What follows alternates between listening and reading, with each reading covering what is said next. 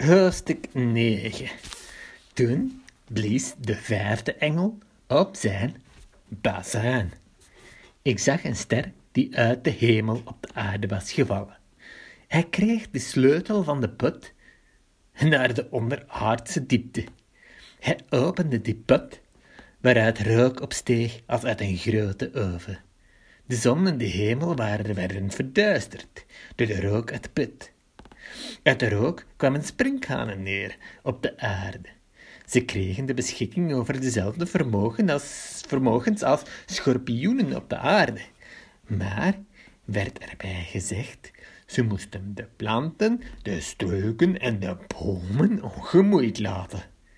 Alleen de mensen die niet het zegel van God op hun voorhoofd hadden, mochten ze kwaad doen. Doden mochten ze niet, alleen pijnigen. Vijf maanden lang. De mensen zouden pijn moeten lijden alsof ze door een schorpioen gestoken waren.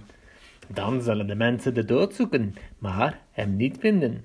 Ze zullen naar de dood verlangen, maar de dood vlucht van hen weg. Zo zagen de sprinkhanen eruit. Ze leken op paarden, die waren toegerust voor de strijd, met op hun hoofd een soort goudachtige krans en met een gezicht als dat van een mens. Hun haar was lang als het haar van een vrouw. Hun tanden waren, als leeuwentanden. Hun borst leek een panzer van ijzer. Hun vleugels maakten een geluid als het geratel van talloze wagens die ten strijde trekken. Verder, verder, hadden, verder hadden ze een staart met een angel net als schorpioenen. Met die staart konden ze de mensen pijnigen, vijf maanden lang. Hun koning is de engel van de onderaardse diepte. Zijn naam luidt Abaddon in het Hebreeuws, in het Grieks Opilion. Het eerste wee is voorbij, maar er komen er nog twee. Toen blies de zesde engel op zijn bezuin.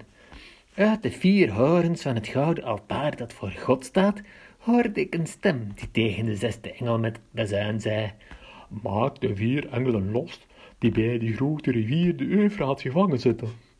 De vier engelen werden losgemaakt. Ze werden gereed gehouden om juist op dit uur van deze dag, in deze maand van dit jaar, een derde deel van de mensen te doden.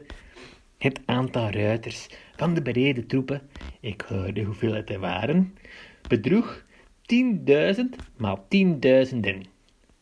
Zo zagen de paarden en de ruiters in het visioen eruit. Hun borstpanzers waren vuurrood, violet en zwavelgeel. De hoofden van de paarden waren als leeuwenkoppen. En uit hun mond kwam er, kwamen rook. Nee, uit hun mond kwamen vuur, rook en zwavel. Een derde deel van de mensen werd gedood door deze drie plagen. Het vuur, de rook en de zwavel die uit hun mond kwamen. Maar de kracht van de paarden zat in hun mond en in hun staart. Die staarten hadden koppen en leken net slangen.